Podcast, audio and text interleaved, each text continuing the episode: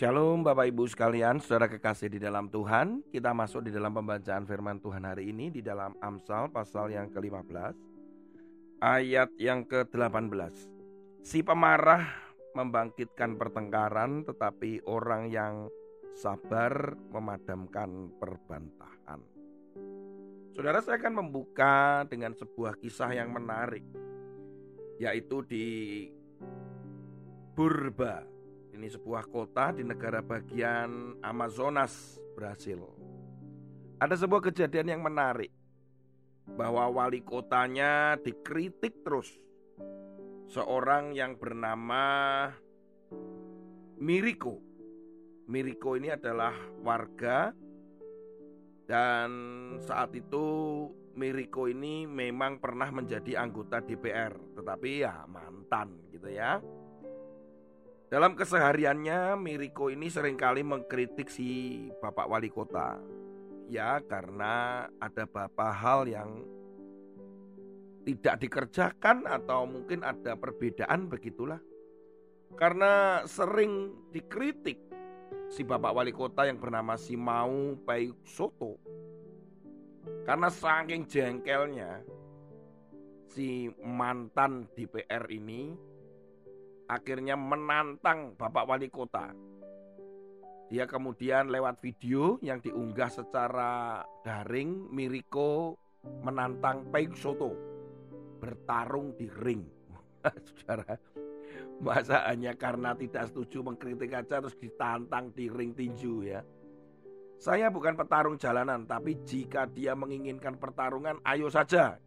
Itu ujar wali kotanya. Dan benar saudara, mereka berdua akhirnya bertinju di ring. Dan siapa pemenangnya? Tentu saja Bapak Wali Kota memenangkan tinju pada hari itu.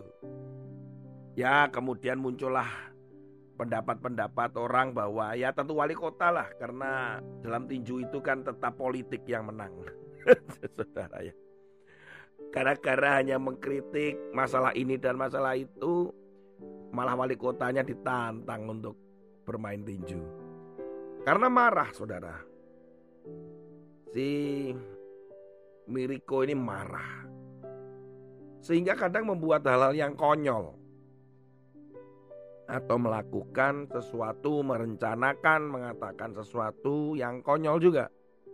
Firman Tuhan kita hari ini adalah berbicara bahwa pemarah, kemudian orang yang sabar, Siapa yang bisa mengendalikan marah? Siapa yang bisa mengendalikan emosi marah? Saya tidak mengatakan bahwa marah itu dosa ya. Tetapi karena di sini dikatakan pemarah berarti intensitasnya, frekuensinya itu sudah melebihi batas. Karena Yesus juga pernah marah. Saudara yang bisa mengendalikan marah itu bukan orang lain, tetapi diri kita sendiri. Tidak ada orang yang bisa mengendalikan orang lain. Sulit sekali saudara. Ya nanti akhirnya ujung-ujungnya bisa pak ada tuh pak orang yang hipnotis pak Tony. Ya itu manipulatif.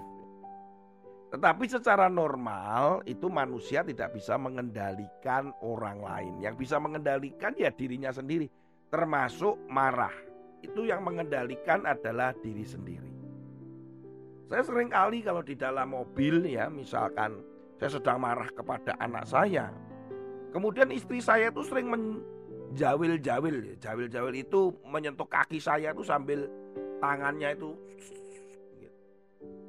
dia mengatakan bahwa secara implisit mau ngomong bahwa stop stop jangan marah jangan marah hentikan hentikan gitu bukan dia yang bisa menghentikan saya tetapi saya sendiri yang akhirnya memutuskan untuk berhenti atau tidak saudara Demikian pula dengan kita. Kita nggak bisa minta orang lain untuk menghentikan amarah kita, tapi ya diri kita sendiri. Karena akibat daripada marah itu lebih cenderung sebetulnya lebih banyak ya, lebih banyak negatifnya.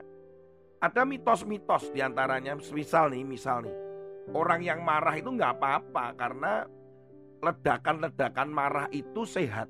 Melampiaskan kemarahan itu mengekspresikan dan melepaskan itu wah jadi lebih lepas gitu. Tapi fakta sesungguhnya nggak demikian. Karena dengan membiarkan ledakan dan lampiasan marah itu akan meningkat terus dan lama-lama marah itu menjadi agresi. Agresi itu menyerang orang lain nantinya.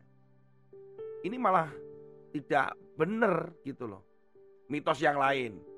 Nah, dia mengatakan bahwa gini mitosnya, dengan kemarahan itu membuat saya memperoleh hal yang saya inginkan termasuk saya bisa dihormati. Saudara, kepemimpinan dan kejuaraan untuk meroleh kemenangan itu untuk kita dihormati bukan menggunakan kekuasaan. Ini konsep-konsep yang akhirnya dengan marah itu saya bisa dihormati. Dengan marah itu saya bisa dihormati. Sehingga di kantor saya marah-marah, di pasar marah-marah, di rumah marah-marah. Malah orang akan melihat itu hal yang negatif. Kemudian mitos yang lain. Kemarahan itu datang begitu saja Pak Tony. Saya juga nggak tahu tiba-tiba ya marah gitu aja. Nah ternyata enggak, marah itu bisa dikendalikan saudara. Secara psikologi, secara ilmunya bisa dikendalikan. Enggak bisa tiba-tiba kemudian muncul. Apa sih yang membuat kita sering kali muncul marah? Biasanya ya, biasanya. Biasanya itu karena kita ada permusuhan ya. Kita menganggap orang lain itu musuh, menjadi kompetitor, pesaing. Ya, pernah melukai gitu ya. Dendam akhirnya yang kedua adalah kepahitan hidup, ya marah dengan situasi, dengan lingkungan yang ada. Kemudian muncullah pengalaman-pengalaman juga yang gak enak dan itu disimpan itu. Kemudian kecemburuan dengan orang lain, iri dan sebagainya. Terus kemudian marah itu karena ada hal-hal yang tidak sesuai dengan diri kita. Nah, macam-macam penyebab marah itu. Tapi satu hal firman Tuhan hari ini dikatakan bahwa dengan kesabaran itu malah nanti bisa menyelesaikan. Karena kemarahan itu akan terus menghasilkan pertengkaran demi pertengkaran. Karena menyakiti orang lain, agresif. Dan di situlah kita harus tahu bahwa ada kapan yang kita harus kendalikan.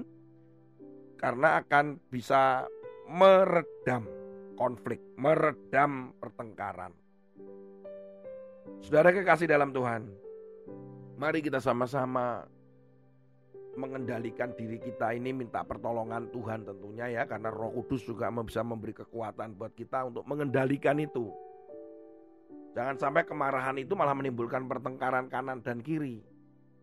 Tetapi yang terjadi adalah kita harus sabar karena itu bisa memadamkan pertengkaran, memadamkan perbantahan. Ambil nafas panjang, terus minta kekuatan pada Tuhan, Roh Kudus beri kekuatan dan saudara bisa berpikir lebih rileks ya dengan kepala dingin. Dengan es batu maksudnya bukan. Ya maksudnya dengan dengan kepala dingin ternyata yuk kita berpikir bisa lebih tenang kemudian bisa berpikir panjang kalau marah ini nanti akibatnya apa bisa menimbulkan pertengkaran jangka panjang menyakiti orang.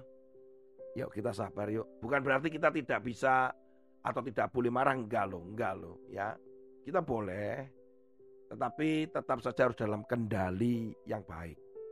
Dan itu perlu belajar memang. Memang belajar. Ya, kita harus belajar untuk bisa mengendalikan amarah kita. Mari kita sama-sama uh, saling mengingatkan satu dengan yang lain supaya tidak membawa pertengkaran dan perselisihan di sekitar kita, tapi membawa damai sejahtera. Tuhan Yesus memberkati. Sampai ketemu dan berjumpa lagi. Haleluya. Amin. Lord, I've come to know the weaknesses I see in me will be stripped away